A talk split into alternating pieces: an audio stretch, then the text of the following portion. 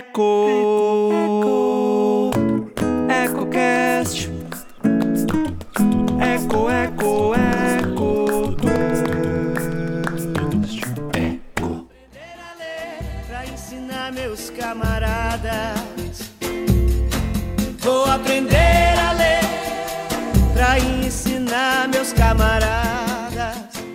Olá, esse é o nosso segundo episódio do EcoCast e chamamos para conversar uma pessoa muito especial que eu admiro muito pela história de vida, de trabalho. A nossa convidada é a Verônica Cardoso Costa de Souza. A Verônica é diretora financeira da Cooper Região, cooperativa de catadores de materiais recicláveis de Londrina. E nós vamos conhecer um pouquinho mais sobre não só o trabalho da Verônica, como a importância da coleta seletiva e dessas pessoas que transformam né, o lixo em seu sustento. Então é muito importante para a gente é, poder ouvir a Verônica, já que ela realmente é alguém que trabalha com isso no dia a dia, que veio do lixão e que conquistou muitas coisas que ela vai nos contar ao longo da entrevista e são histórias de mudança realmente. E a gente pode entender um pouquinho mais do que, que é a sustentabilidade na prática. Então, o papel dos catadores de materiais recicláveis para a sustentabilidade é o tema do nosso episódio de hoje. EcoCast. Olá, Verônica, seja muito bem-vinda. Se apresenta, por favor. Meu nome é Verônica Cardoso Costa de Souza. Né, sou filha de um baiano e de uma mineira, né? Nasceram na Vila Marise, uma das mais antigas das favelas de Londrina, bem próximo do centro. Né? Hoje eu trabalho na Copa Região, sou diretora financeira, sou formada em serviço social, né? fiz uma pós em comunicação popular e comunitária na UEL, o que me levou a trabalhar é, com o reciclado e com os catadores, devido eu morar ali na Vila Marisa, ser próximo do centro, então a nossa fonte de renda era vender latinha, papelão. E eu conhecia muitos catadores próximo do centro, né? Então, nós fazia já esse trabalho desde criança, desde os 11 anos de idade.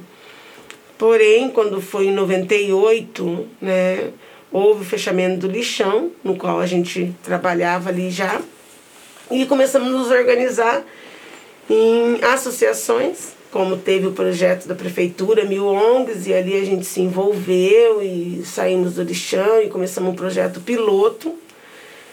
Depois de 10 anos, a gente começou a trabalhar daí como cooperativa, né? Mas até chegar na cooperativa, a gente passou ali né, todo o trabalho de educação ambiental, os projetos pilotos nos bairros. E nesse entremeio a gente conseguiu um recurso do Japão também, onde trouxe uma condição melhor de trabalho para nós ali na Vila Marísia. Né, e ali a gente começou e teve a fundação daí da cooperativa, da Associação de Mulheres Grupo Esperança. Então, o meu trabalho começou ali na Vila Marísia. EcoCast. Você comentou que tudo começou ali na Vila Marísia com uma associação. Sim, foi um processo que fez com que nós, ali moradores da Vila Marisa, eh, nos envolvêssemos um projeto maior, que era a questão da educação ambiental, de mudar os costumes das pessoas na cidade de Londrina. Ao mesmo tempo foi um grande desafio para nós, porque o grupo era a Associação de Mulheres Grupo Esperança. Então, o objetivo nosso era trabalhar com nós, mulheres, que sofria algum tipo de agressão, de discriminação ali na favela, né? E, ao mesmo tempo, isso mexeu muito com a nossa autoestima de saber que, através do nosso trabalho, nós poderíamos mudar algo de costume na cidade. Né? Então, foi um desafio, mas foi, assim, muito muito gratificante, porque a gente é, invadiu um terreno né, na Vila Marisa, cada um levou um pedaço de pau, de madeira, de lona preta, e assim nós começamos o nosso trabalho. Né, é, buscando o nosso espaço dentro da nossa comunidade. Era, de início era isso que a gente pensava. Né? Mas quando a gente foi entendendo o projeto, abraçando, vestindo a camisa, fazendo a educação ambiental, a questão da importância das pessoas mudarem os costumes, né? E a gente saber que fora do país tinha eh, governos que iriam ajudar a gente a melhorar nossa estrutura, melhorar nossa qualidade de vida para a gente poder desenvolver um projeto para nossa cidade, isso trouxe um up, né? Que foi em 98, 98 para 99, que a gente teve um projeto aprovado pelo Japão, pelo governo japonês, né? E nesse momento a gente teve a visita do cônsul. Então o cônsul veio até a favela da Vila Marisa. Isso foi maravilhoso para nós, enquanto mulheres negras de uma favela, receber um cônsul japonês para ver a nossa realidade. E eu me lembro muito bem que no dia que eles marcaram, porque tem tudo um protocolo, né? Era um domingo, mas teve uma chuva, mais uma chuva, mais uma chuva. E é como nós trabalhávamos debaixo de uma lona, começou a fazer uma bolha de água, e a gente tem até fotos, né, registro dessa situação. Começou a formar uma bolha de água. E aí a Marilis Garani, que era assistente social da prefeitura, ela estava com o guarda-chuva assim. Então a gente ficou com muito medo dessa bolha de água estourar e molhar tudo com, né? E toda a comitiva que estava com ele. Mas aquela realidade foi que deu credibilidade a nosso grupo é, junto com o, o consulado japonês. Né, onde a gente tinha pedido telhas usadas, eles falaram constrói um barracão de 600 metros. Onde a gente tinha pedido uma, uma prensa usada, eles falaram compre uma linha completa de pet, né? Nós, eu costumo dizer que a gente já nasce com quatro defeitos, né? Mulher, pobre, negra e ainda catadora, né? Então, para nós foi um grande desafio, mas foi muito bom, foi um aprendizado aonde a gente conseguiu com todas essas Eu dificuldades. vou ter que te interromper. Quatro defeitos não, né? Porque assim, ser catador eu acho que é uma coisa que você tá numa situação de pobreza e você continuar trabalhando e conseguir tudo, então isso não é nenhum defeito, muito pelo contrário, né? Acho que ser catador é um exemplo de muita luta, muita força. Deveria ser. Hoje eu consigo entender que não somos né, defeituosas. Porém, no momento que nós vivemos há 20 anos atrás, é, por nós sermos catador, nós não, nós não podíamos entrar em certos lugares até. Então, isso se torna um defeito. Se eu não tivesse ele, eu podia entrar, né? Mas hoje a gente olha para trás e vê o que a gente conseguiu construir durante esses 22 anos. Esse projeto do Japão, ele trouxe muita dignidade. EcoCast. Houve todo um empenho, né, por ser uma coisa nova, que o poder público estava implantando. Então, todos abraçaram a causa, né? Foi muito empenho, teve toda a parte burocrática de doação de terreno e algumas exigências do governo eh, japonês para esse recurso vir. Então, assim, houve um empenho de toda é, pessoal envolvido para que esse recurso viesse. E a nossa grande preocupação era que tivesse realmente o efeito positivo na vida daquelas pessoas.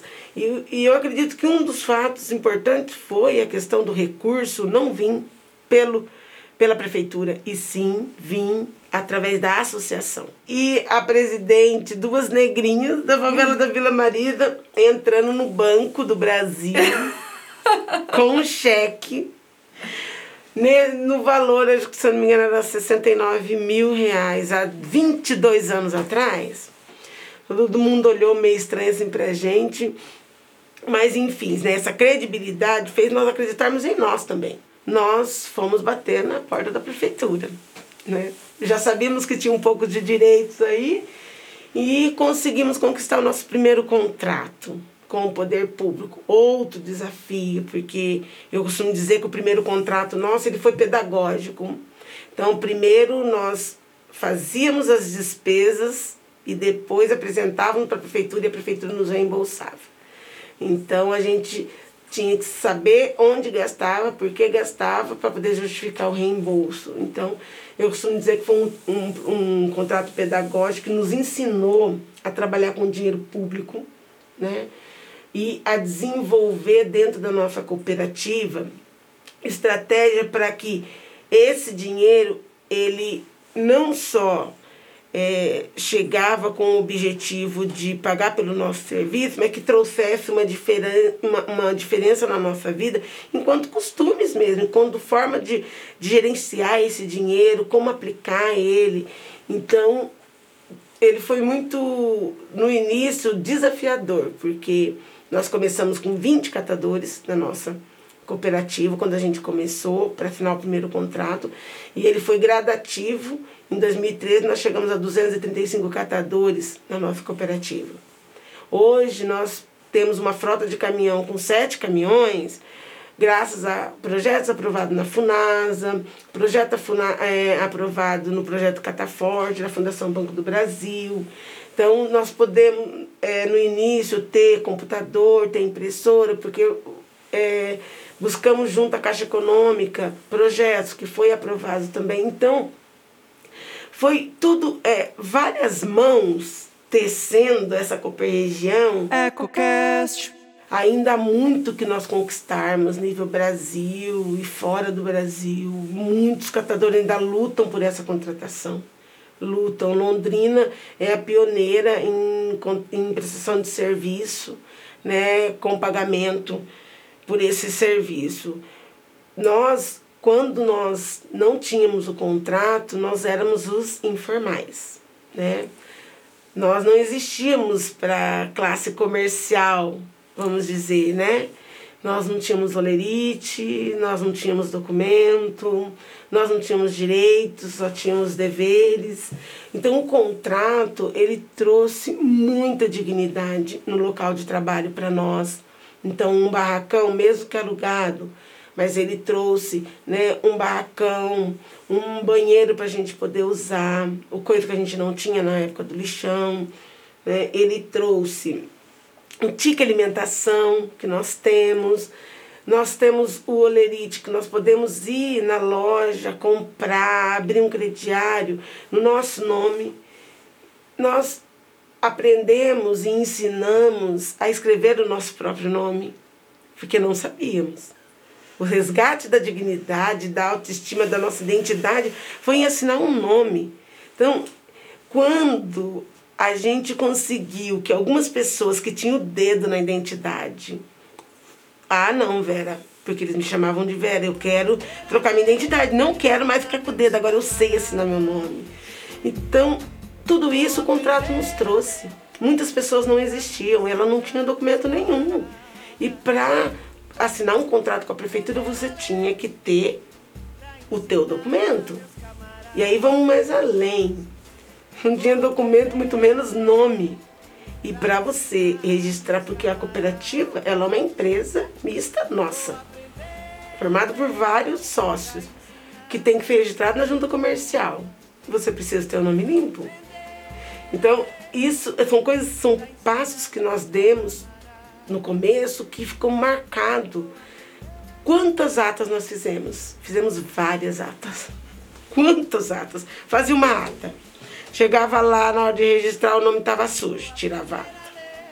Fazia outra ata. Chegava para registrar, ia colher a assinatura. Ah, esse daqui, esse catador já saiu, já abandonou, disse que não vai ficar mais. Faz a ata de novo.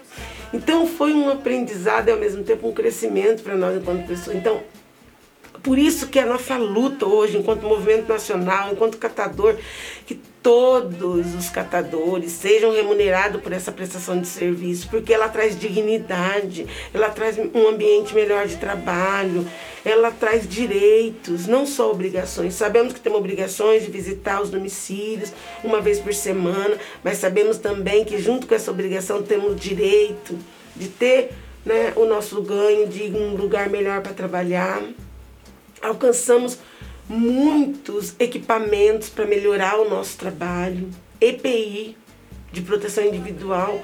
Quantos eu mesmo já peguei várias alergias por causa da urina do rato que ficava parado nos sacos de reciclagem. Então, isso trouxe um bem-estar para os nossos cooperados. O contrato ele, ele, ele, traz isso junto com ele. Né? É um desafio, é um desafio muito grande. Vou aprender para ensinar meus camaradas. Vou aprender a ler para ensinar meus camaradas. Aprender a ler para ensinar meus camaradas. Vou aprender a ler. Você estava me falando sobre os lixões que não são a céu aberto, são dentro de galpões. O que, que é isso? Por que, que isso acontece? Qual que é a dificuldade? Então hoje nós temos muita embalagem que ela vem assim num volume significativo, porém ela não tem mercado. Você não consegue comercializá-la, né? É, é devido à região. Pode ser que aqui no Paraná eu não consigo, mas lá no Paraná, lá em São Paulo, no interior do Rio de Janeiro, tenha mercado. Precisa ter uma indústria que compre esse material para poder reciclar. Sim. Ter uma viabilidade. Uma viabilidade econômica. Sim, e é isso que nós temos falta na região. Por exemplo, o vidro hoje é gerado mais de 100 toneladas por mês, só a nossa cooperativa. Porém, para você mandar ele para São Paulo, tem tudo um processo manual que se tem que fazer, que economicamente não é viável. Mas nós fazemos por causa da questão ambiental. Igual é, o, o plástico estrala, que é o vilão da história. Faz anos que a gente tem discutido ele.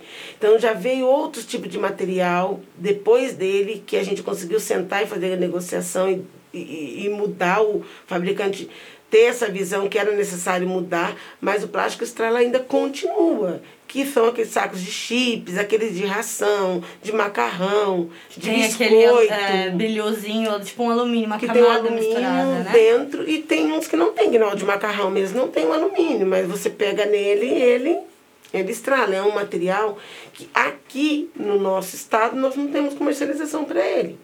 Em São Paulo tem, mas só a para virgem que é aquela sobra que sai direto da indústria, não aquela que vem da casa do morador, por causa da contaminação. pós-consumo, né? Aquela do pós-consumo. Então, existe alguns materiais que traz esse desafio, a questão dos ketchupes, das embalagens PET colorida, por causa do contaminante, da pigmentação.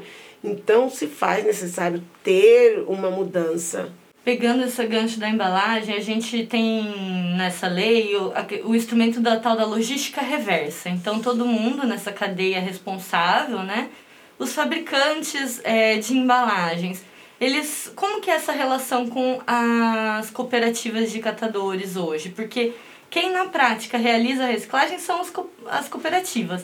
Como que essas grandes empresas que geram muitas embalagens têm se responsabilizado por, por essa cadeia, nessa logística reversa? Então, hoje a gente tem abertura de conversa e de parceria com alguns produtores, né? indústrias né? de, de alguns materiais, igual PP, PAD, PET, o vidro, né? Mas é muito tímida ainda essa responsabilidade da logística reversa. Eu vou comentar um exemplo do isopor. O isopor tem reciclagem? Então, é, a Cooper Região né, é a pioneira também, porque nós temos uma extrusora de isopor, onde a gente já faz os tarugos, né, derrete, ele faz os tarugos e manda para Santa Catarina. Né? Então, ele tem é, a reciclagem dele, é feita, porém o volume ainda é muito baixo. Porque por ele ser muito leve, então as pessoas acabam descartando ele na no lixo comum, porque não tem essa informação que ele é reciclável. Que agrega valor. É isso que agrega valor. Um caminhão que carregaria em torno de 200, 300 quilos dele, in natura, né? Ele processado, ele carrega 4, 5, 6 toneladas. Então, ele precisa fazer esse papel de investir na educação ambiental, porque a, a, se faz necessário. Hoje, ainda muito material que é reciclável e que tem valor econômico acaba parando nos aterros né, por falta de informação. Aprender a ler pra ensinar meus camaradas. Vou aprender a ler pra ensinar meus camaradas. EcoCast. O que, que a pandemia impactou para vocês? Nossa, muito, muito. Principalmente psicologicamente. A gente sofreu uma pressão psicológica, porque a Copa Região nós tivemos 14 casos suspeitos né, no mês de março. E o volume do material ele aumentou muito. Então, é, nós temos um público hoje de 30% de idosos e crônicos. Então, nós gestores que estávamos à frente, resguardar as vidas que estavam ali dentro. Então, foi uma pressão psicológica muito grande, né? É, sentimos isso, né? A gente não conseguia dormir, era cooperado pressionando. É, mas se eu ficar doente, quem vai cuidar dos meus filhos? Então, foi uma pressão. E o volume, o desafio de dar conta daquele material. Então, assim, a Cooper Região estava estamos totalmente na contramão da pandemia. Tivemos que é, abrir um novo barracão, instalar uma nova esteira, esteira aumentamos em 30 cooperados a mais dentro da Cooper Região nesse período da pandemia e estamos gerando trabalho e renda. Aumentou ainda mais o volume coletado? Muito, 40%. As pessoas estão em casa, em casa é mais fácil separar, será isso? Eu, eu acho que, assim, como as pessoas faziam todas as refeições em restaurantes, fora de casa, então esse material de restaurantes não chegavam para nós, né? Então, agora elas fazendo a tua comprinha diária no mercado, aí nós fazemos a coleta no domicílio, por isso, né, refeições em casa né, gera mais resíduos e a gente acaba aumentando o volume dentro dos nossos galpões. Posso sair daqui pra me organizar, posso sair daqui pra desorganizar, posso sair daqui pra me organizar, posso sair daqui pra desorganizar. Como que está na cidade as outras cooperativas ou até mesmo os catadores avulsos? Então, é, estamos passando por esse momento dos informais, né? A gente chama eles de, de informais, que passam nos nossos bairros, no nosso, nosso setor antes de nós, e caminhão se tromba. Só que é uma questão social, né, Laila? O nosso presidente, o Zaqueu Vieira, ele costuma dizer que tem material para todos. E realmente tem material para todos. Só que nós temos que é, rever né, redesenhar o modelo da nossa coleta seletiva em Londrina. É preciso rediscutir a nossa coleta seletiva com a inclusão dos nossos catadores avulsos, porque nós somos uma classe só. Ele tendo contrato ou não, não faz dele outra profissão. Ele é catador igual nós. Mas a gente acredita no diálogo, porque do mesmo jeito, há 22 anos, quando nos abordaram no lixão, falando e fazendo várias promessas de coisas melhores fora daquele lixão, foi com muito diálogo e hoje, né, jamais a gente pensou naquele momento que hoje a gente agradeceria por alguém ter ido lá e nos apresentado uma outra condição. Esse trabalho são os catadores, a gente tem muito a agradecer e aprender, né? Como eu comentei no meio da. Alguém que pega do lixo e transforma isso na sua renda e da forma que transforma, né? tem, a, gente, a gente tem muito que aprender, né? Se a gente olhar para os materiais de outra forma, a gente vai ter até uma relação mais próxima com a natureza. Porque às vezes a gente pega ali aquele plástico, não sabe de onde veio, né? Pega aquele. E aí descarta rapidamente. Você pega um plástico, usa em 15 minutos, não sei quantos mil anos ele vai demorar para se degradar depois, e vai ter que ser retirado de novo da natureza isso, né? Então, se a gente para para olhar para o resíduo, além dessa visão que ele gera dinheiro, é economia hoje em dia, é esse outro olhar de entender que tem toda uma questão social por trás, né? E também que a gente tem nossa responsabilidade em, por exemplo, do material, escolher melhor o material que vai usar, reduzir as embalagens desnecessárias. Né? Então, acho que a gente tem, na educação ambiental, só que aprender com, com os catadores, porque é uma lição. Imagina, eu que agradeço, Lara, pelo convite.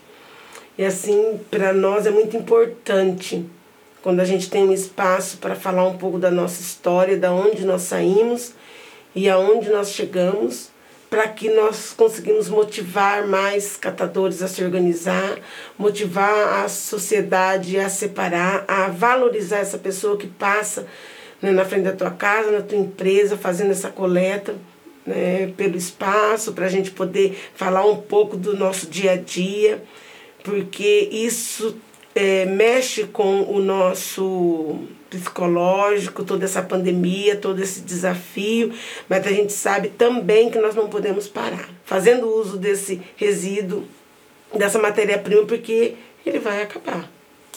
Ele vai acabar. Vai ter uma hora que nós não vamos ter mais de onde tirar. Né? Então, acho que agora é o momento que nós vamos repensar. Eu acredito que desse vento vai vir coisas boas ainda depois que tudo passar. Um novo ser humano um pouco mais observador, um pouco mais é, consciente das suas atitudes. Tomara, Obrigada. tomara. Obrigada. Posso sair daqui pra me organizar. Posso sair daqui pra desorganizar. Posso sair daqui pra me organizar. Posso sair daqui pra desorganizar. É isso, gente. Então ouvimos a Verônica, diretora financeira da Cooper Região. Pudemos conhecer um pouquinho desse trabalho da cooperativa e que não parou na pandemia, o que é muito surpreendente, porque no começo eu fiquei preocupada, achando que o pessoal ia realmente ficar numa situação ainda mais difícil, né, de passar fome e tudo mais. Claro, tem todos esses impactos, mas a gente percebeu na entrevista da Verônica que é, uma cooperativa organizada, com as pessoas é, se capacitando, buscando projetos, buscando melhorar, crescendo, quando vem uma crise, ela tem mais resiliência, ela tem mais condições de passar por isso. E por mais que tá acontecendo a pandemia e muita gente está sem dinheiro, cada vez mais sem emprego e todo esse problema, a Cooper Região de Londrina, durante a, a, a pandemia, aumentou a quantidade de coleta do material reciclável, que eu achei isso muito interessante. Então, como você vê na prática? Então, eu acho que a Verônica trouxe um exemplo de que a economia verde, né, essa economia circular, ela tem uma resiliência grande. Se você está organizado num momento de uma crise como essa, eles não só é, não pararam, quanto até estão aumentando a atividade. Então, Como a gente precisa, na entrevista da Verônica, pensar que é importante essa não só reconhecer o trabalho do catador como um, um profissional, né? Como também ver que se você está preparado na hora que a mudança chega, você até sim aproveita oportunidades na crise. Agradecer muito aos ouvintes, a participação da Verônica e assim a gente encerra o nosso segundo EcoCast. Muito obrigada. Esse é um podcast da Alma Londrina Rádio Web. Edição de áudio Thiago Franzin, produção radiofônica Teixeira Quintiliano e apresentação Laila Menequino. Eco.